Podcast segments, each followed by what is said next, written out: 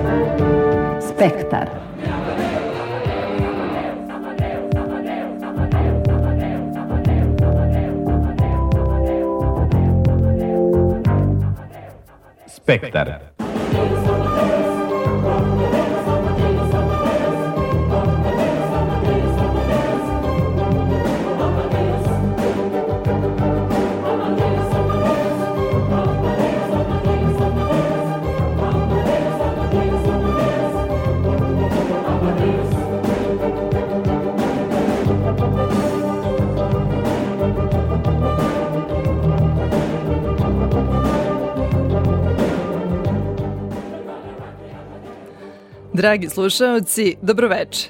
Moje ime je Ivana Maletin Ćorilić i želim vam dobrodošlicu u Spektar. Stiglo nam je leto, doba festivala i drugih kulturnih manifestacija. U duhu toga, u Magazinu za kulturu Radio Novog Sada bavit ćemo se Šekspir festivalom i Bitefom. Najavit ćemo i program leta na trgu galerije. Večerašnja emisija će imati i muzičku notu, Čućete kako je prošla novosadska promocija romana Srđana Marjanovića, a mogao sam biti gej, godišnjica Mitra Subotića Sube u Limanskom parku, kao i otvaranje izložbe rock fotografija Dragana Teodorovića u Kulturnom centru Novog Sada. Osvrnut ćemo se i na devetu tribinu iz ciklusa Dnevnik o Crnjanskom u Kulturnom centru Vojvodine. Kao što ste navikli, spektar započinjemo muzikom, pa prelazimo na našu prvu večerašnju priču.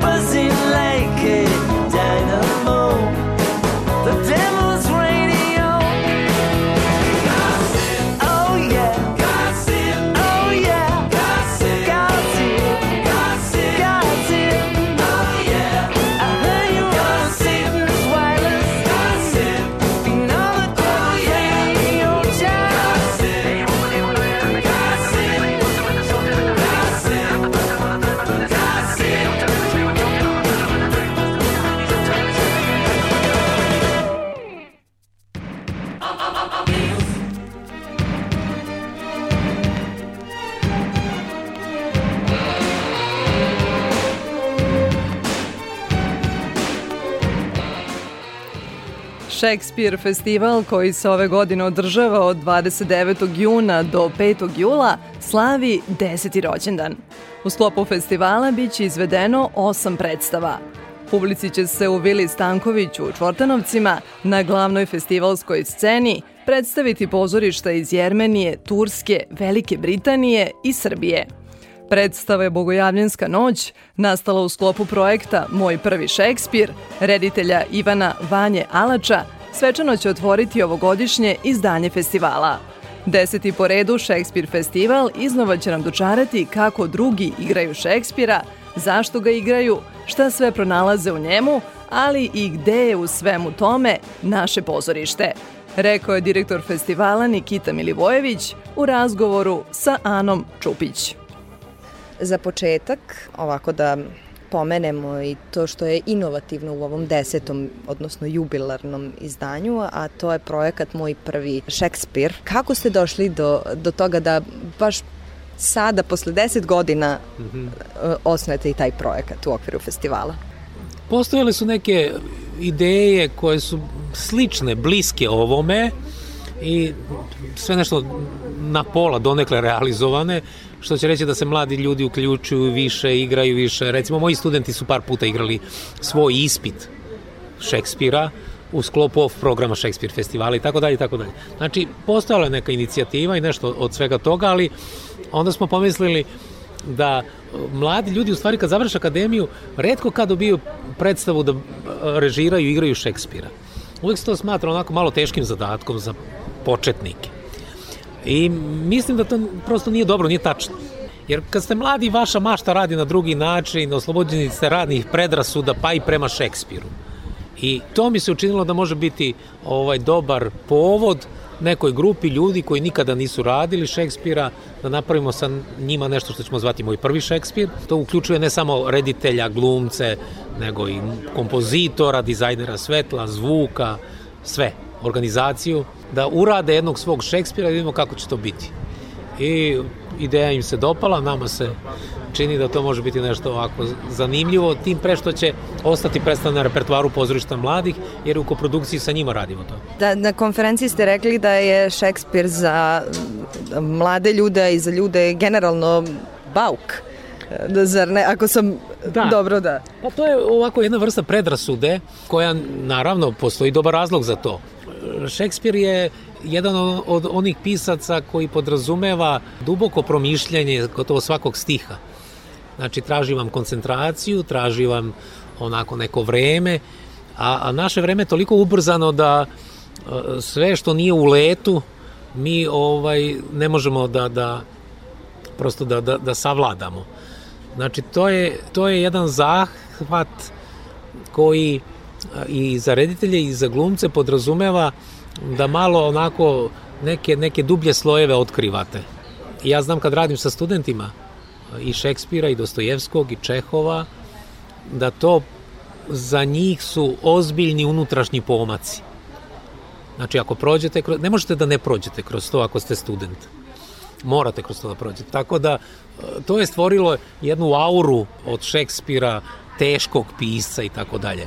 Znači, to ima svoj razlog, ali istovremeno e, to ne znači da ne treba maštovi čovek da se upusti i vidi šta on sa tim materijalom pronalazi zajedničko i siguran sam, gledao sam mnoge predstave gde iz toga izađe susreta zaista uzbudljiva, neverovatna predstava. Da, i vaš festival se upravo bavi s otklanjanjem tih predrasuda i što ćemo moći da vidimo i ove godine kao i svih prethodnih i kroz eh, tog eh, Magbeta u dvoje i kroz eh, ostale predstave. Da. A da, evo, sad ste spomenuli Magbeta u dvoje, pa to je primer kako neki mladi ljudi, jeli, njih dvoje naprave svoju trupu. I sa ovim Ma- Magbetom, koji u podnaslovu zovu ga Noćna mora u dvoje, naprave jednu duhovitu, otkačenu predstavu, baziranu naravno na Magbetu, sa kojom proputuju razne svetske festivale. Znači, treba biti hrabar, treba maštovit biti i ovaj, usuditi se pronaći i praviti neku svoju predstavu. Njihova predstava vrlo ima reference na današnju Tursku i njihov motiv i povod je bio njihovo okruženje. Ali eto, sve to čini pre, Šekspira živim piscem i ono što ja stalno ponavljam, piscem koji u stvari samo na izgled govori o nekom prošlom vremenu, on govori o jednom stvarnom životu i vremenu koji je naš, koji pripada nama. Samo to treba malo, jeli, videti i razgrnuti te prve slojeve i otvoriti sve ono što, što mi prepoznajemo danas kod Šekspira. Iskoristila bih ovu priliku da vas pitam i šta će to posebno biti ove godine na Bitefu? Da, sada preskočim se na, na drugi repertoar. Pa, bit će zaista vrlo, vrlo različite predstave. Mislim, i čini mi se da, da je važno, pa evo koliko mi je važno Shakespeare festivalu, toliko i na Bitefu, da program bude raznovrstan. Znači, danas kada razmišljate o pozorištu, šta je to pozorište danas? To je jedan onako vrlo šarolik hibrid svega i svačega. Znači, ne znate više gde počinje postdramski, dramski, teatar, instalacije, sve je to sad nešto što zovemo izvođačke umetnosti. I u tom smislu Bitev ove godine moćete da vidite zaista recimo realističku predstavu, ali superiornu izvođenju jednog fenomenalnog nemačkog pozorišta, ali moćete da vidite jednu predstavu koja je potpuno metafizička, koja sva računa na taktilnost i iracionalnu.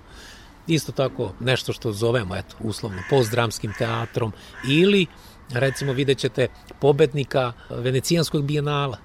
Znači predstavu koja je svojom formom neobičnom izazvala potpuno onako čudo na Venecijanskom bijenalu. Iz Mađarske jedna divna predstava koja je u stvari opereta. Pa se, pa se peva. Mislim, vrlo različit je repertoar, ali to čin, ta, ta, ta ukupnost te šarene slike čini bogatiji utisak o, o, o festivalu, čini mi se. Ali opet iz vašeg odgovora stekla sam utisak da možemo povući paralelu iz eh, tog eh, savremenog pozorišta koji će se dešavati na Bitefu, ali i savremenog igranja Šekspira na Šekspir festivalu. A da, meni bi bilo divno da, da u nekom trenutku neki Šekspir bude na Bitefu, ovaj, zato što e, isto tako imate neverovatno hrabra izvođenja Šekspira, ja znam bar nekoliko koje sam gledao u svetu, koja pomeraju te granice i otk otkrivaju Šekspira uvek iznova na neki nov način, kao što se mi ovde trudimo, jeli? sa nekim predstavama, ali one zaista neću preterati, ja se sećam kad, kad, su ovde gled, kad smo gledali iz Belorusije predstavu Kralj Lir, Mnogi su mi prišli i rekli da je uh, to najbolji kralj Lir koga su gledali u životu i da je trebao biti na Bitefu. Ili Magbet prošle ili pretprošle godine u SNP. Italijani su igrali Magbeta, koja je jedna od bila onako predstava po svim svetskim festivalima izazvala ogromnu pažnju. Taj Magbet je bio potpuno bitefovski Magbet. Zaista onako kad kažem bitefovski, onda govorim o izazovu forme, igranja, načina, potpuno nekih fenomenalnih rešenja i siguran sam da je, predstav, da je bila na bitefu, da bi publika bila onako iznenađena takvim Magbetom.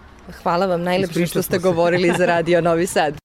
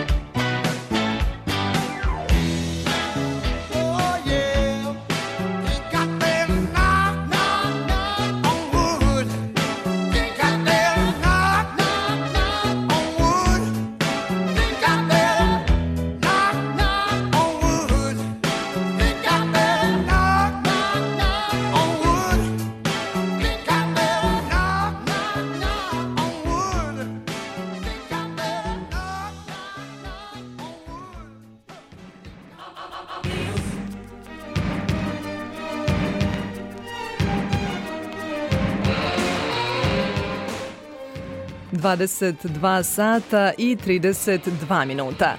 U Spektru nastavljamo priču o pozorišnim festivalima. Slogan 57. izdanja Bitefa, koje je na programu od, 3, od 3. do 10. oktobra, glasi Snago, ne pristaj da budeš nečija. Sa devet predstava u glavnom programu, Bitev će ugostiti hrabre i odvažne produkcije koje stižu iz Nemačke, Litvanije, Mađarske, Švedske, Grčke, Burkine Faso, Belgije i Srbije. O značaju Bitefa i očekivanjima od ovogodišnjeg festivala sa direktorom Bitev teatra Milošem Latinovićem razgovarala je Ana Čupić. Bitev je manifestacija od velikog značaja kako za Beograd i Beograđane, tako i za sve ljubitelje pozorišta. To je festival koji pomera granice i bavi se a, s, novim idejama i tendencijama pozorišta. Opstao je 57 godina. A šta je, da kažem, recept za taj dug život Bitefa? Pa dobar recept. Dobar recept. dobar recept uvek napravi dobro jelo. Šalim se. Ovo, mislim da je koncept e, Bitev festivala u stvari ključan za ono što održava Bitev u žiži interesovanja i onoga što je pažnja javnosti, pre svega pozorišne publike. Bitev je nastao pre pola veka kao jedan odgovor e, na neko tradicionalno pozorište, ako smemo to tako da nazovemo, kada je svet već tražio neki novum ne, i u sebi, ali i umetnost. I mislim da bite ja e, interesantno koncipiram. Prvo kao po festival novih pozorišnih tendencija, što je i dan, do dan danas ostalo, ali kao jedan a, zanimljiv a, festival u smislu mesta održavanja i komunikacije koje je želeo da uspostavi. Ne treba zaboraviti da je i tada, nažalost kao i sada, evo svet bio dobro podeljen. I Beograd i Srbija, a tadašnja Jugoslavija su bili jedna zona gde si mogao da pronađeš uh, ljude sa svih strana sveta, pa tako i umetnost sa svih strana sveta i ovde ovo je bilo mesto susreta. Bitev je vrlo dobro odigrao tu svoju geostrategijsku, da tako kažem, s- ideologiju, ali sa druge strane ono što je mnogo važnije to je da je doveo jedno novo pozorište u naš svet, u, naš, u naše sagledavanje pozorišnog eh, da kažem života, ali ovaj to je i to je do dan danas ostalo i to je ono što nas u pozitivnom smislu i danas muči da pronađemo nešto što je teatarski novum, a to više nije tako lako zato što je mnogo priča već ispričano, mnogo strategije upotrebljeno, mnogo rešenja rediteljskih, scenografskih smo već videli tako da to traganje za apsolutno novim je jedna ozbiljna potraga kroz da eto upotrebim neki slobodni izraz kroz tu neku džunglu koju treba i otkriti i raščistiti i doći do nekog pozorišta koje je kao onaj Fi- Fitzgeraldo što ga je napravio u Amazoniji ovaj, u slikovitom smislu, ali mi tražimo ipak predstave koje nas iznenađuju i mislim da se sa tim dobro nosimo. Ono što je i tekako novo je umetnički direktor eh, koji je došao ove godine, a to je Nikita Milivojević. A šta nam on tu sprema? ta promena je uvek nekako, prvo mislim da ta promena došla dosta kasno, jer em, ljudi ne shvataju da je organizacija ovog festivala ili ovakvog festivala jedan kontinuitet. Znači, mi ne prestajemo da radimo, čak i na godišnjim odmorima ljudi imaju određene obaveze i konekcije koje moraju da ispune, jer em, svetska pozorišta imaju svoje ritmove, svoj način rada, svoje datume, vremena, planove i to je nešto što se ovde u našoj sredini sve manje razume. I to je naš ogroman problem što je Bite festival neshvaćen u tom smislu kao jedna manifestacija koja radi 12 meseci. Bez obzira što se dešava da je festival od 7, 8, 10 dana, i ono, one pripreme pre, ali to je jedino što je vidljivo. Mi radimo, imamo ljude koji su zadrženi za festival tokom cele godine. I zbog toga nam te promene koje su u ideološkom i umetničkom smislu nekad dobre i lekovite, jer svaka promena neke umetničke strukture, umetničkog viđenja, umetničkog kreda, dobro dođe, jer umetnost je ta koja menja i sebe, ali menja i o, sve to oko sebe i sve nas. Tako da je u ovom slučaju dolazak Nikite Mirjavojevića bio za nas vrlo šokantan u smislu um, momenta, jer je imenovan za umetničkog direktora u februaru, ali ono što je sreća to je da je Nikita Mirjavojević neko ko je dosta inkorporiran u pozorišni život Evrope kroz svoj posao, kroz rediteljski posao, pa i kroz posao a, predavača na fakultetu, jer ima kontakte sa drugim fakultetima, sa drugim kolegama, tako da je ta promena koja je u početku delovala vrlo šokantno ipak a, prošla dosta bezbolno u smislu da smo mi vrlo brzo organizovali festival koji će ove godine eto biti održan u oktobru, mada je naš termin septembar, ali upravo zbog tih termina koje, o kojima sam govorio ranije, a, jer pozorišta su želela da dođu na Bite festival, pa su ipak oslobodile neke prostore koje su ranije rezervisali. I to je ono što kažem naš problem, da mi danas imamo već tri ili četiri dogovorene gostovanja i predstave za sledeću godinu ali nismo ih mogli dovesti ove godine zbog njihove zauzetosti. Da nam se to desilo u decembru, mi bi ih imali ove godine. Ali opet ne mislim da je ovo izvan ideološkog razmišljanja u umetničkom smislu novog umetničkog direktora koji je uneo jedan novi, drugačiji duh ovde. Ne kažem da je prethodni naš kolega Ivan Medenica radio nešto pogrešno, da pače, mi smo sa njim sarađivali pet šest godina i to je bio jedan način rada. Sad imamo drugi, a mi smo tu da se prilagodimo. Ali ono što je najvažnije, to je festival i mi to čuvamo. A šta ćemo to gledati na scenama Beogradskih pozorišta ove godine?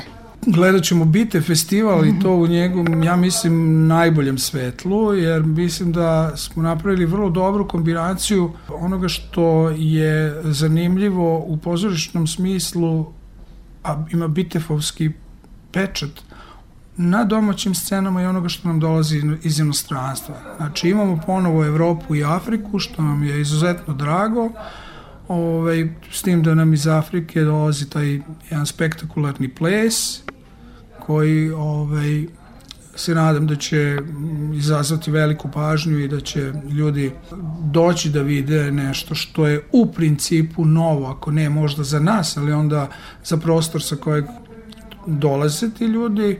I naravno nekoliko zanimljivih predstava iz Nemačke. Posebno mi je drago što smo uspeli da dobijemo litvansku predstavu koja to nije, ona je u stvari jedan performans ili instalacija, ako smem tako da kažem, koja je znači, pobedila na Venecijanskom bijenalu.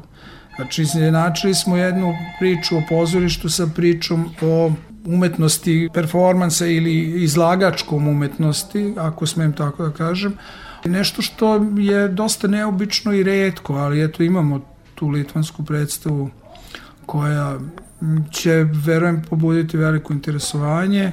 Naravno, tu su i još neke od predstava za koje smo se borili da ih dobijemo. Zanimljivo je da recimo u Nemačkoj predstavi i rediteljka Slovenka, da je u Švedskoj rediteljka Anja Suša, naša bivša umetnička direktorka pre Ivana Medenice, tako da deluje mi zanimljivo u smislu da imamo uh, različite poetike u određenim pozorišnim zemljama sa, sa velikim iskustvom, tako da ta neka mešavina, taj amalgam može da nam donese jednu vrlo interesantnu priču kakvu Bitef uvek se trudi da donese. A ovogodišnji slogan je snago ne pristaj da budeš nečija. Odakle inspiracije? Pa to je u stvari pesnički slogan i mislim da je dobar taj iskorak ka malo ka poetizaciji. Mi smo uvek bili nekako oslonjeni na, na aktualizaciju trenutka ili pro, e, perioda i to je bilo dobro, ali valda ova prenapregnutost društvenih odnosa i prilična razjedinjenost u toj nekoj društvenoj pa i političkoj sferi nam je malo, ja ne mogu kažem dosadila, ali nije nam prijatna mi želimo da pričamo o tome da je ovo jedinstvena priča kakva BTF jeste i onda smo kao tim razmatrali mnogo slogana i nekako nam se ovaj stih najviše dopao. Radmila je zaista dobar pesnik i njena pri, e, knjiga je majke znaju šta se dešava u gradu ima je izazvala veliko interesovanje što davno nije bilo da jedna knjiga u Srbiji pesnička bude tako sa pažnjom propraćena i mislim da je taj izbor naš i same osobe i samog opredeljenja da to bude poezija zanimljiv. Ali sa druge strane taj slogan zaista ima jednu poruku koja treba svima nama da bude neki putokaz. Svi imamo mi neku svoju snagu, neku svoju ideološku opnu ili ne znam, nek, neku svoje razmišljanje i ono mora biti naše. I ja, naš apel ako je kroz ovaj slogan je upravo to, da budemo svoji, da razmišljamo svojom glavom, da, da donosimo odluke koje smo mi doneli u korist i nas, ali i okoline u kojoj živimo. Mislim da je ova vaša poslednja rečenica zapravo dobar način da završimo razgovor. Hvala vam što ste govorili za Radio Novi Sad.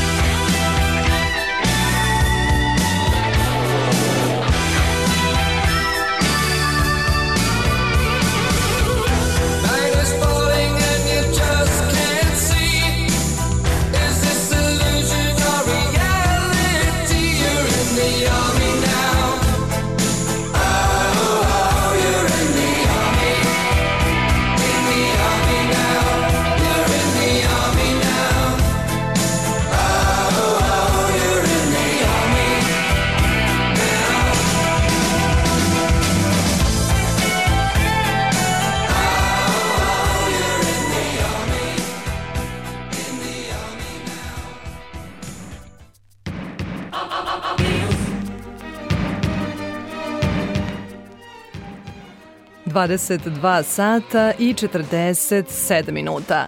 Slušate Spektar, magazin za kulturu Radio Novog Sada. Još jedna letnja manifestacija najavljena je ove sedmice.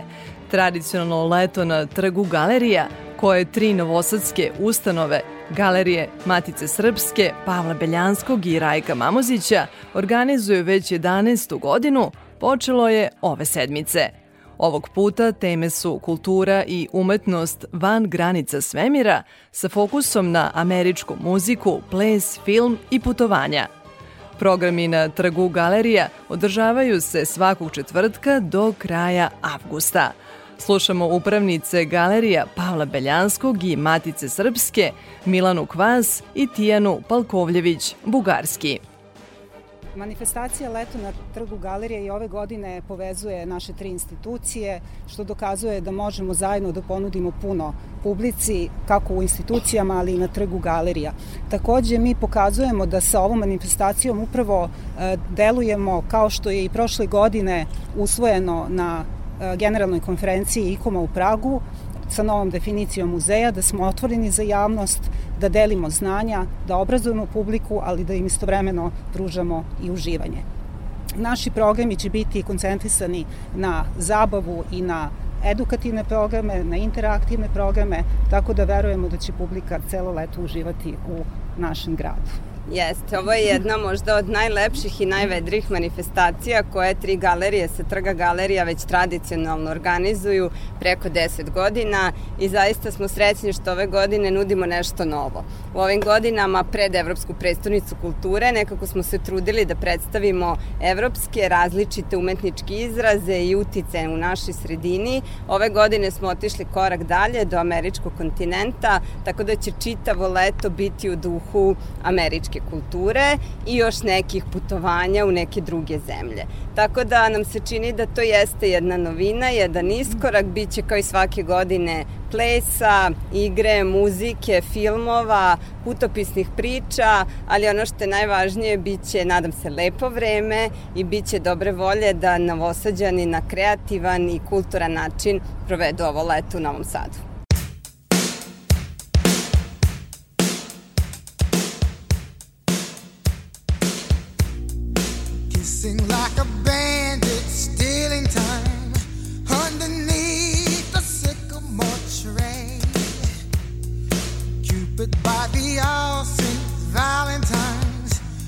My sweet lover and maid. Slowly but surely,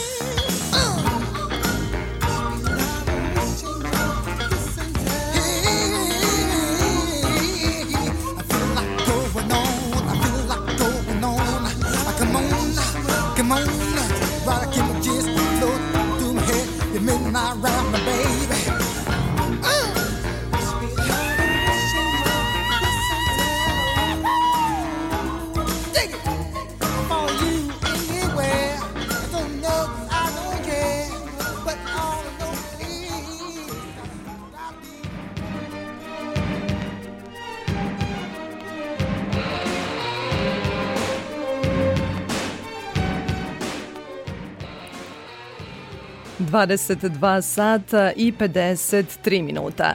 Naredni segment spektra posvećujemo književnosti. Nagrada Vasko Popa koja se dodeljuje 29. put za najbolju novoobjavljenu knjigu pesama na srpskom jeziku u toku konkursne godine, kao i za izbor koji sadrži relevantan obim novih pesama, pripala je Tanji Stupar Trifunović za Zmištak – Nagrada će biti uručena dobitnici 29. juna u gradskoj kući grada Vršca u 12 časova. Nagrada Narodne biblioteke Srbije Vladan Desnica za najbolji roman 2022. godine uručena je Goranu Petroviću za roman Ikonostas. Nagrada je ustanovljena prošle godine, a prvi laureat bio je Dejan Aleksić za roman Petlja. A Srđan Marjanović, doajen rock'n'rolla, kantautor, objavio je u Prometeju četvrti roman, a mogao sam biti gej, baš kao i naslov pesme inspirisane Eurosongom. Sinoć je Srđan Marjanović predstavio novu knjigu u Novom Sadu i u razgovoru sa Tatjanom Novčić-Matijević razlistao iskustva, emocije i sećanja.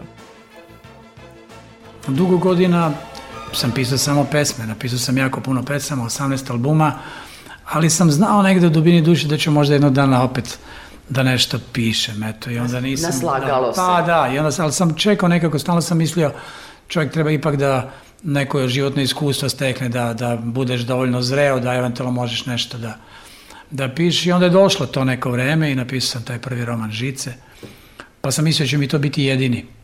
Međutim, na svu sreću on je imao neka četiri izdanja, što je meni bilo super, pa mi je to kao dalo vetar u leđa, pa sam rekao, čekaj, pa ovo, ovo funkcioniše, možda bi mogao još nešto da uradim. Hoće Pa ljudi sam- da čitaju ono što Da. ja pišem, jeli? Pa sam onda napisao drugi, pa treći, pa evo sad je došlo vreme i za četvrti. Ali dobro je, nisam ih pisao pod moranje i nisam ih pisao serijski, zato što mi je kao to, ne znam, to neophodno da to radim, da eventualno živim od toga ili tako dalje, ne. Nego jednostavno, onda kad sam mislio da ima smisla da to napravim, ja sam to pravio i to je tako, eto.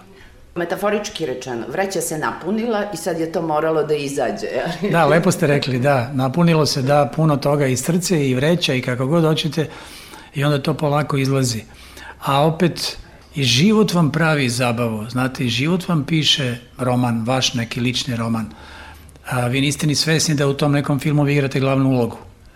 E sad, nekad ste vi režiser, ali vrlo često onaj od ozgo režira stvari, tako da nikad ne znate šta se može dogoditi. I moj život je bio prelep. Ja kad bi se ponovo rodio, stvarno bi možda sve identično radio, sve do jednog trenutka. Znate, često sam se pitao, boš koliko je ovo lepo i dobro, kroz muziku i sve to što se meni dešavalo, mora da će doći jednog dana neki trenutak za naplatu. I stalno sam se pitao kad će doći taj dan i taj trenutak je konačno, nažalost, i došao, jel? I onda sam ja izgubio nekoga koji je meni bio jako drag i koji je bio jako značajan u mom životu. I to je bila neka varnica za, za pisanje tog prvog romana. I onda kasnije još i mnogih stvari koje su, koje su dolazile posle toga, ali onda na kraju shvatiš da život je stalno toplo i hladno. Znači, i možda je zato baš i lep. I ne, ne sme čovjek nikad da klone duhom, znači treba biti uvek kod travka, kad te neko zgazi ti nikni ponovo. Ako možeš, barem probaj, ako ništa drugo. Ja sam se toga nekako držao i svaki put sam nicao ponovo, jel? A, imao sam taj jedan brodolom i moj posljednji album koji sam radio, koji je objavio ovaj Jugoton, Croatia Records, se zove Sve moje pesme su o tebi. Možda nisam dovoljno puta tokom tog dugačkog života sa tom osobom, 50 godina je to bilo sigurno, možda nisam dovoljno puta rekao one tri slatke reči. Pa sam sad kroz tih deset pesama pokušao to da kažem ponovo u nadi da će to možda stići do neba nekako gore, jel? A nažalost kasno. I onda čovjek se uči dok je živ, onda sad kad me neko mlađi pita, čekaj, a kako to, Srki, šta ti misliš? Ono, ja onda kažem, ako imaš koga, znači voli ga do koske, ne taktiziraj i svaki dan mu kaži koliko ga voliš. Zašto? Što? Zato što će možda jednog dana doći trenutak kad nećeš imati kome to da kažeš. A želećeš to da kažeš, a nemaš kome, jel? E, onda eto, to je bio motiv za taj album, a puno motiva iz te priče i za pisanje ovog zadnjeg romana. Zanimljivo ste ga naslovili, a vidim da ima i napomenu roman za starije od 18, a mogao sam biti gej. Tako je. Pa, pazite, ja sam razmišljao puno o tome kako da nazovemo tu, tu priču. To je pre svega, kako god vi gledali na to, to je pre svega ljubavna priča. Moje priče su sve ljubavne, ja sam tip koji je prokleto Pa ljubav jedino ima smisla Da, i, da. i, govoriti i Tako pisati. je. I smatram da je to najvažnija stvar u čovekom životu, kako god to prozaično kome zvučalo, meni je to ključna stvar. I na neki način i ovaj roman, kao i svi prethodni, na neki način govori o ljubavi i rock'n'rollu, znači to je usko povezano kad je moj život u pitanju. I to je knjiga o, o mladosti i starosti. Kad si mlad možeš gotovo sve, kad si star možeš mnogo manje toga, jel? ali sva sreća još uvijek možeš. I otprilike je to nekakva priča koja vas vodi kroz, kroz sam roman, a mogao sam biti gej. Da, možda sam mogao, ali nisam, jel? Mislim, ako pažljivo iz- analizirate sam naslov, a mogao sam biti gej, jasno vam je da, ovaj, da se ipak nije gej, jel?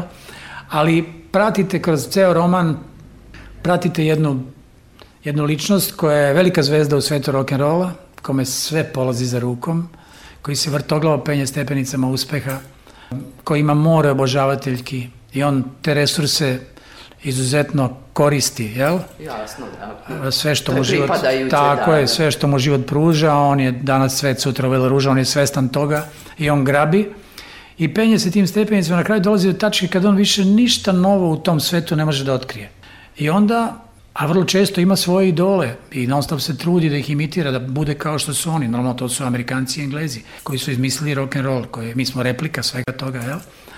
I onda gleda šta su oni uradili, onda kaže, čekaj, pa nisu ludi ovaj Elton John bre i ovaj Freddie Mercury i ovaj George Michael i pa čak i Mick Jagger koji je biseksualac ili David Bowie za koga se priča da je ovo ono, ali možda jeste, možda nije. Pa nisu oni blesavi, oni su sigurno prošli sve što, ovo što sam prošao ja i došli su do tog zaključka da treba ići stepenicu više, treba sve iskusiti, sve probati. Možda su tu nešto otkrili što ja još nisam otkrio. I sad on želi da se popne tim stepenicama, da vidi, da otkrije nešto što možda do sad nije. I sad non stop se on susreće sa takvim, sa takvim ponudama tokom samog romana i vi se čitajući stalno pitate da li će on na kraju postati gej.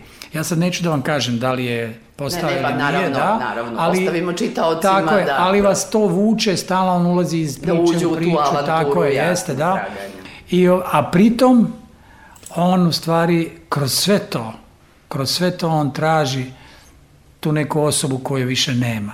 I dobro je primetio Peca Popović na Beogradskoj promociji, ja nisam to registrovao, on je registrovao. To nema veze s knjigom, ali ima veze možda sa, sa životom. I on je rekao, kaže, i krug se zatvara sa ovom Marjanovićevom knjigom. Počelo je sa pesmom, mi smo jednom drugom govorili vi, sa kasirkom je počelo, a završilo se sa kasirkom.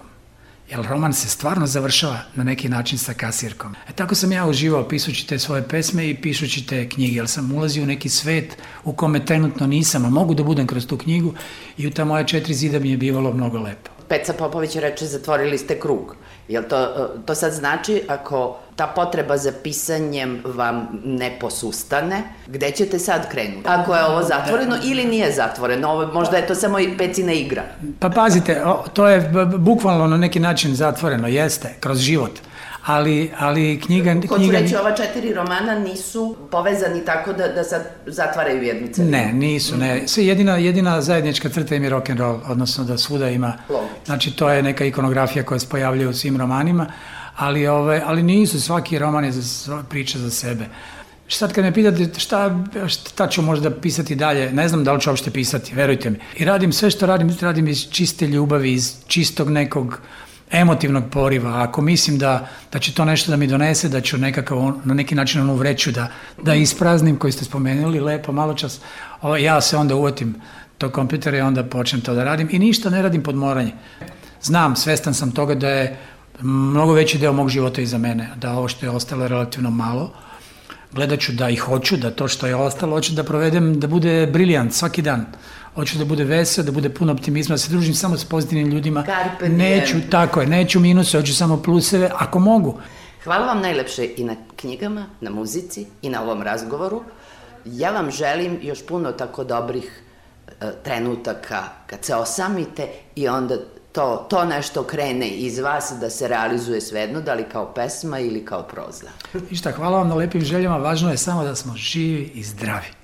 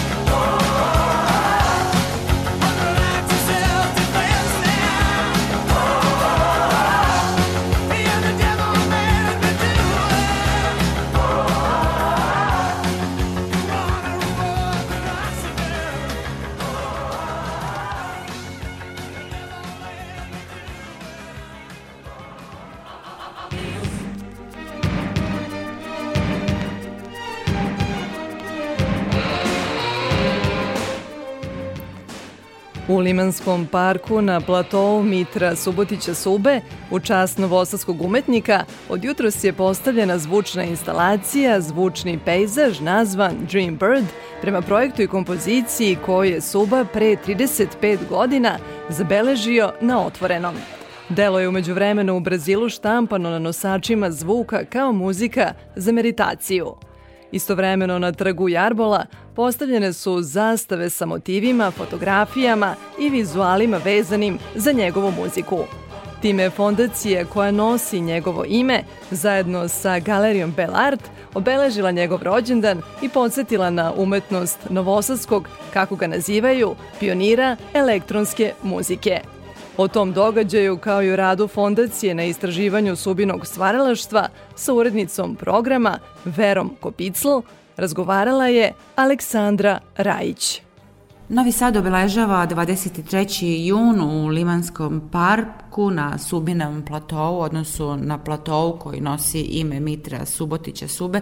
Zašto je važno da se eto i na ovaj dan setimo Mitra Subotića i e, na koji način ćete naravno sve to e, organizovati i obeležiti? Projekat obeležavanja rada Mitra Subotića Sube e, već traje neke dve, tri godine i smo u stalnom procesu istraživanja njegovog rada i ovde i u Brazilu. A, ovaj program realizovan je u saradnji sa Galerijom Belart, odnosno Galerija Belart je pokrenula u okviru svog projekta umetničkih zastava na platovu Mitra e, Subotića Sube. I ove godine je Bosnić Kazirović Lečić, kustuskinja, e, iz e, arhive Fondacije Mitar Subotić Suba izabrala motive za 49 zastava. I ova postavka zastava će trajati dva meseca, odnosno do kraja avgusta, ali ono što je nama bilo važno fondaciji, da i taj prostor platoa bude ozvučen subinom ekološko-ambientalnom zvučnom projekcijom, on je to tako zvao, zvučna projekcija, iz 87. On je te godine prvi put postavio u Novom Sadu, od 87. dakle prvi put postavio instalaciju na obli Dunava, tako što a, su ti zvučnici bili iznad zemlje da bi se spojili sa nekom energijom, ali ta instalacija je zanimljiva zato što se zvukovi ptica koje je on radio sa Goronom Vejvodom u Parizu prepliču sa realnim zvucima u prostoru, ta, da. u, našem, u našem parku. Tako da, da ova zvučna instalacija, zastave koje pokazuju uh, raspon Subinog rada od e, Rex Iluzivija, kada se pojavio anonimno na muzičkoj kulturnoj sceni u Novom Sadu kao pionir elektronske muzike, pa sve do e, rada u Brazilu, gde su ga zvali Gringo Paulista, gde je obeležio i stvorio potpuno novu a, brazilsku muzičku scenu i gde je objavio i svoj a, poslednji CD. Fondacija čija ste članica priredila je za vreme projekta Evropske predstavnice kulture Suba Sobu. Sa tim projektom obišli ste i region, kako se on razvije? Koncept izložbe je takav da se stalno menja u odnosu na a, prostor u kojem izložba gostuje. Nije samo u pitanju izložba, artefakata, nego program čine i muzički nastupi, tribine, predavanja, razgovori. U Beogradu smo imali potpuno druge goste, ali i oni e, su, su bili zaradnici. Tu smo imali i Petra Janjatovića, ovde smo opet imali Vitu Simurdića, a, Nebojšu Krivokuću koji je postao na neki način naš, naš stalni saradnik. Tako da a, i sada u Sloveniju idemo u julu mesecu na festival u Tolminu, tamo ćemo imati uključenja iz Brazila. I tamo će kakve veze, recimo, da. koliko Slovenci znaju o Subi, kakve veze, recimo, gde, gde se tu našli, pronašli kopču? Ono što je za ceo region uh, Suba uradio jeste takođe ta produkcija, on se bavio produkcijom novog talasa, elektronske muzike i zarađivao je sa, sa jako puno muzičara koji su bili uh, značajni za ceo region, recimo Masimo Savić, Milan Mladenović, uh, U Zagrebu je već i bila izložba u Muzeju savremene umjetnosti i nas. E, mi smo i sa njima u pregovorima za, za izložbu. Zahvaljujući produkcijskom radu i saradnji sa muzičarima iz regiona, u svakom od tih regiona pronalazimo a, šta je zanimljivo? Subina muzika je sada jako aktualna, jako aktualna da. u DJ-ingu mm. i neke od najvećih zvezda DJ, DJ-inga koriste njegovu elektronsku muziku. Tako da u ovom slučaju se program menja i utoliko što u poređenju sa Novim Sadom, gde nam je u centru bio taj CD koji fondacija objavila Novosadski period, sada nam je u Sloveniji u centru pažnje promocija njegovog poslednjeg CD-a Sao Paulo Confessions, koji je snimio u svom studiju u Brazilu i uključuju nam se članovi instituta Suba iz Sao Paulo. Subina, naročito elektronska muzika je jako prisutna i popularna na savremenoj DJ scene u Evropi i to stvarno na, vodećim festivalima i najpoznatijim DJ-evima, tako da je to veza sa savremenom umetnošću, ali i sa razumevanjem korišćenja tehnologije ovih generacija, naročito generacije Z, koju je Suba imao. Za njega su kritičari govorili da je on uspeo da tehnologiji da osjećaje, da, da prenese kroz nju emociju. Oni kažu dušu, mada je to uh, ne, nešto što prelazi u neku patetiku, ali oni su tako, pogotovo u Brazilu, razumevali njegovu elektronsku muziku. I evo, uh, odnos prema ekologiji, umetničko-ekološke intervencije koje on radio. Znači, zapravo otkrivate nove nivoje njegove umetnosti. Koji šta, je, da. šta je to što je još ostalo uh, nedovoljno osvetljeno? Taj brazilski period, pored uh, njegovog rada sa Milanom Mladenovićem, oni su u stvari činili uh, grupu Andrews Brat i objavili su album. U zadužbini Milana Mladenovića tvrde da je Milan smatrao uh, taj rad najvažnijim njegovim projektom u celom njegovom opusu. I Sao Paulo Confessions koji je ostao, ali nemamo, tek sad dobivamo materijale iz Brazila koje Suba nije uspeo da objavi. Ima nekih reizdanja, na primer njegov CD Young, on ga je snimio pre Sao Paula, Often Music je objavio 2018. tek uh, taj snimak. Dobili smo neke pakete iz Brazila koje sada pokušavamo da nekako rekonstruišemo, da digitalizujemo, da bismo mogli da, da, da ih ponovo objavimo, odnosno da ih tek prvi put objavimo, pa i, i ova ekološka zvučna projekcija je prvi put objavljena 2022 u Brazilu, dakle nije, nije objavljivana ovde. Evo, 99. je Suba umro, a prošle godine prvi put uh, objavljen vinil sa ovom muzikom. A pomenuli ste i pozorišnu muziku, to je recimo meni potpuno nepoznat detalj, ili u, u ovom trenutku ne mogu da se setim da radi o pozorišnu muziku. Novi Sad je grad, rekla bih, koja uz sve kvalitete koje je ima, čini mi se da ne neguje dovoljno svoje mitove. Mito Subi, evo, preko fondacije, preko ljudi, preko prijatelja, preko ljudi koji razumeju njegovu uh, umetnost, ima šanse da se da zaživi u ovom gradu. Da, a, istražujemo, čak i menjamo, a, u situaciji smo da, da moramo da ispravljamo greške koje se prenose u pisanju njegove biografije. To, ja sam često bila isprovocirana, pa sam i davala tu vrstu izjava da je to neka vrsta provincijalnog duha, palanačkog duha i da je Evropska predstavnica imala taj problem da su bili važni umetnici sa strane i bolje predstavljeni nego naši koji su čak i bolji i projekti koji su bili bolji.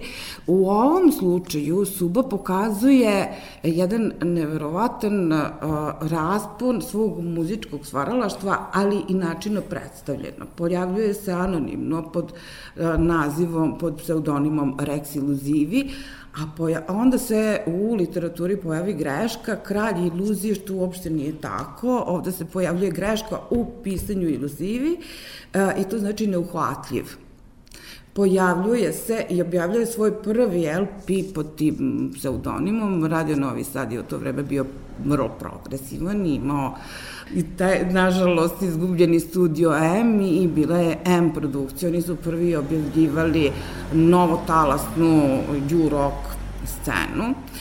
I ta, evo, taj način komuniciranja, dakle, jedan mit o nepoznatom a, muzičaru koji ostavlja na portirnici radio Novog Sada svoje snimke, potom sa a, umetnikom Zoranom Janjetovim pravi spiritualnu organizaciju Greta Fahrenheit sa kojom piše kao član te grupe, piše tekstove u tada jako važnom časopisu Stav.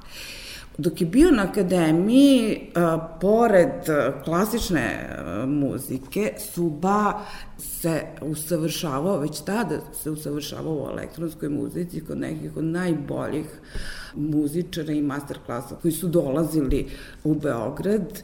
Jako je voleo džez i puno iskustva džeza ima, ima u njegovoj muzici, a onda uh, Erik Satie postaje njegova velika inspiracija.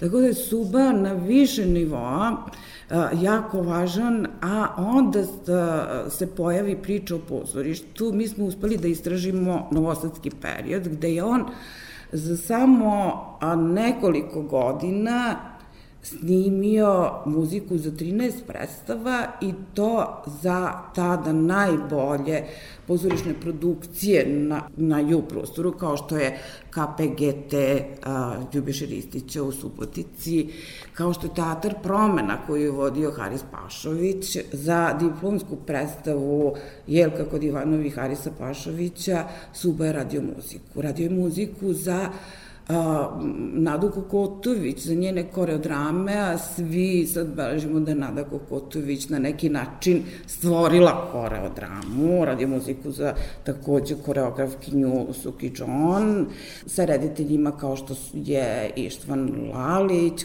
dobio nagradu na mesu Sarajevskom.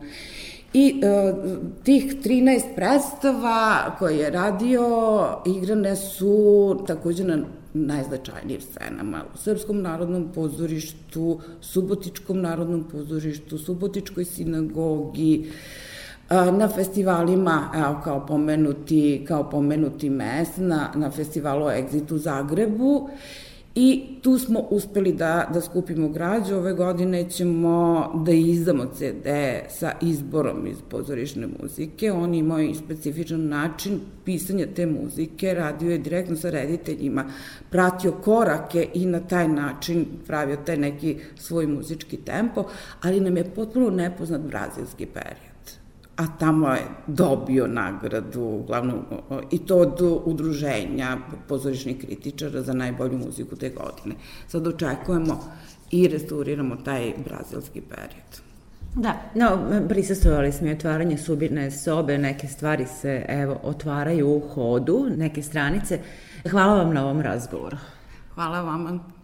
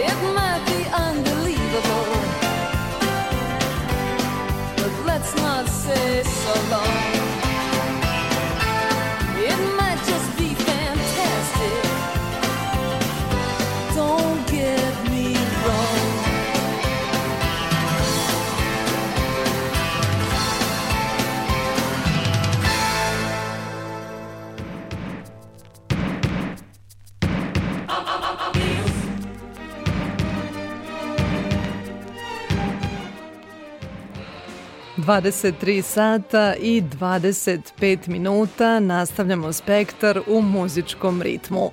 U Kulturnom centru Novog Sada u klubu Tribina mladih do 29. juna otvorena je izložba rok fotografije Dragana Teodorovića u muzičkom svetu poznatijeg kao Zeko. Putujućem izložbom nazvanom po stihu Bore Đorđevića, to je bilo neko lepše i srećnije vreme, autor je zaokružio četiri decenije dugu karijeru, odao počast najboljima i predstavio publiku. Prikazan izbor fotografije jedinstven je po tome što je fotoaparat usmeren samo na publiku, dok su na bini naši najpoznatiji muzičari, pre svih Kusturičin No Smoking Orkestra. Sa Draganom Teodorovićem razgovarala je Aleksandra Rajić. Imao sam tu sreću da sam od 84. na Bini i u dokolici sam imao vremena pa sam uzao fotoaparat i zabeležio sam neke detalje, tu radost publike, oduševljenje tim hitovima u to vreme koje su ti izvođači prenosili energiju na publiku. A sada te energije više nema jer čini mi se da je nestaš sa dobrih autora. Prije svaki bend je imao svog autora u okviru benda, recimo Crvena jabuka imala onaj e, Zlaju, Zlatka Arsnagića, ne znam, Merlin je imao Dinu, Bijelo dugme je imalo Gorana i tako dalje, Bora Čorba, i, ali sada nema više dobrih autora, govorim u moje mišljenje. Rekli ste da govorimo o vremenu od 40 godina, međutim na ovoj izložbi su koje slike, koje koncerte Da. recimo pokrivate na ovoj izložbi? Evo ovako, ovo je znači atmosfera 80. godina. Fotografije su nastale kasnije. Zadnja fotografija čovjek sa maskom u vreme covida koja govori taj momak je digao palac kao bit će sve super. Da li će biti ili neće, to ćemo da vidimo. Jeste. Ako je to neko lepše i srećnije vrijeme, pa sve možemo reći juče je bilo srećnije vrijeme, jer svaki dan nam se dešavaju neke čudne stvari. Mislim, pokazat će istorija. Eto, desilo se nedavno i to čudo u Beogradu. Iz dana u dan se razočaravamo. Koga ste se pratili e, pa O- Ovdje su fotografije, 24 fotografije, to je uglavnom s koncerata bajege instruktora, zabranog pušenja, Čorbe? Kemal Montena, Riblje čorbe i Emira Kusturce No Smoking Orkestra. U knjizi ima i drugi bendova, ali uopšte se ne, ne daje značaj bendovima nego samo publici. Bili ste e, u svojoj radnoj biografiji sa raznih strana bine, radili ste e, puno različitih poslova oko rock koncerta. Jeste. Da, Može se reći na neki način da je rock and roll e, vaš život? Jest. Rock and roll je moj život od te 84. kad sam pobjegao iz škole i od kuće. Pobjegao sam na turneju, to je 84. godina, april mjesec, na turneju sa uh, tada poznatim Miladinom Šobićem, Josipa Lisac, Vajta i ko je još bio. Nije bitno, znači to mi je prva turneja. Pobjegao sam s mojim kumom Ganetom, on je imao ozučenje i onda sam pobjegao s njim. I od do, do dan dana sam s njim. Mnogo bendova smo radili u bivšoj Jugoslaviji i sada radimo, tako da... Da, šta to znači do danas? Šta sad radite? Pa do danas e, ovaj posao više nije posao iz ljubavi. Do skoro je stvarno bio posao iz ljubavi, nije bio ono novac taj koji je presudio. I svi smo ga radili iz, iz ljubavi, recimo tih 80-ih, polovine 80 do 90-ih, dolazili smo recimo u Novi Sad ovde, diskoteka Madonna u hotelu Park je bila. Mi dođemo sa crvenom jabukom ili Merlinom i mi ostanemo, znači odsvira s koncert i ostanemo još 5 dana jer nam je lijepo u Novom Sadu. Više toga nema, znači dođeš, uzmeš pare, prebrojiš i to je to, jes, da. iskalkuliše se i to je to. A prije se nije kalkulisalo, nije. Znači novac nije sigurno nikome, niti autorima, niti bendovima, niti bilo kome je bio broj jedan, a sada to već, to je moranje. Evo, pomenuli smo e, večeras, videli smo ovih e, meseci i godina par zanimljivih izložbi e, rock fotografija, ako tako može se kaže, i Brajana Rašića, evo sada i vaša izložba, Goran Kumatić, naravno. Kako vi danas gledate na tu rock e, fotografiju? To sa, nije samo škljocanje, to je šta zabeležiti zapravo? Pa nije škljocanje, to je život. Sve te ljude koje ste pomenuli, prijatelji su i Gordana i Brian i pričali smo skoro, Brian i ja smo pričali, Brian mi je radio recenziju za moju prvu knjigu, pričali smo da smo on i ja toliko želili ovo čime se bavimo, da smo morali uspjeti. I mi smo imali toliko sreće, znači sada je nit između profesionalnog fotografa i amatera jako kratka. Ne postoji. Znači svi sada dobro slikaju, sad je dobra oprema, dobra tehnika, sve imaju ljudi vremena, škljocevi, znači nema više profesionalac amatir. Samo ili imaš sreću ili nemaš sreću. Ali nešto mora da fali, čim su vaše fotografije, evo, rekli ste da su neke baš e, zaista stare, toliko sveže, žive, pune života, pune duha i danas. Bravo, zato što vidite osmeh na tim fotografijama.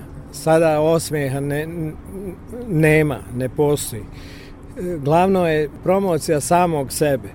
Dođeš na koncert, uzmeš prokleti telefon, slikaš sebe, snimaš nešto, milion slika, kačiš po Instagramima, Facebookima, sve, niti znaš da si došao na koncert, niti ko nastupa, ništa, ne uživaš u tom trenu. Ovo su fotografije ljudi koji su uživali u tom trenutku, obožavaju one koji su na bini, sada nema poštovanja, znači kad pogledate s bine samo vidite brdo mobilnih telefona i komunikaciju između sebe, to je to. Hvala vam puno. Važi, hvala vama.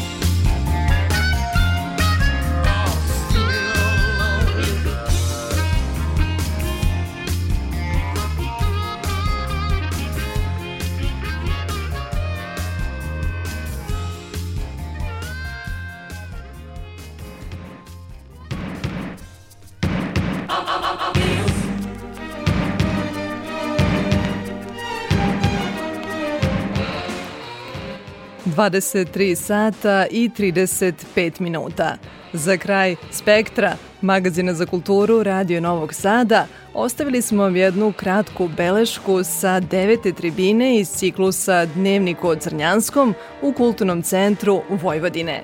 Vrednost književnog dela proverava vreme i zato su najveća večno aktuelna – Večeras o jednom takvom, poznatom pod enciklopedijskom i bibliografskom odrednicom Roman o Londonu Miloša Crnjanskog, delu koje su naša književna kritika i istorija objasnile i kontekstualizovale. Kritičarka i teoretičarka Vladislava Gordić-Petković.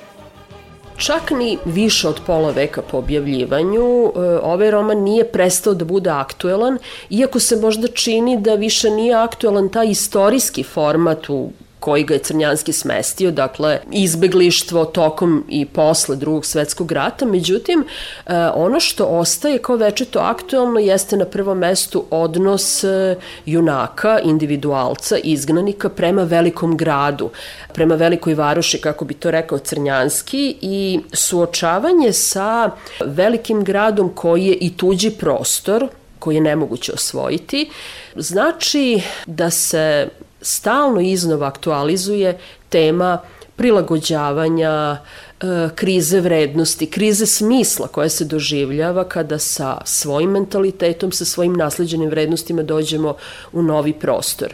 Crnjanski je jako dobro pokazao da je London e, prostor vrlo specifične urbane topografije, da je London i groblje nada i groblje ambicija, ali isto tako i velika mogućnost rasta i razvoja za one koji su spremni da pristanu na kompromis.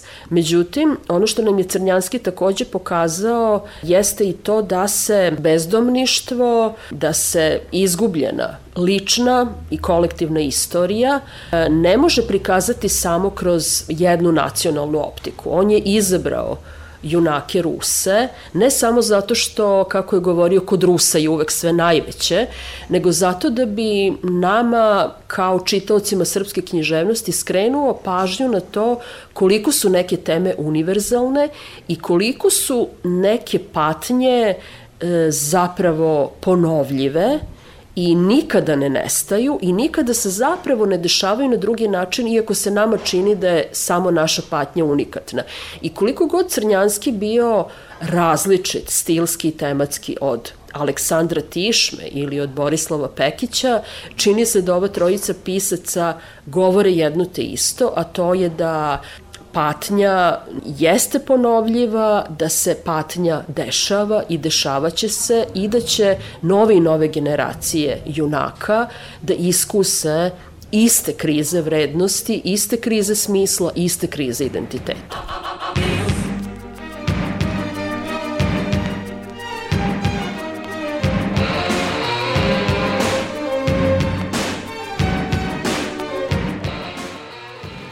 Dragi slušalci, pratili ste Spektar. Ako ste se kasno uključili, emisiju možete da poslušate i odloženo na sajtu RTV-a. Hvala na pažnji, moje ime je Ivana Maletin Ćorilić i želim vam prijetan vikend.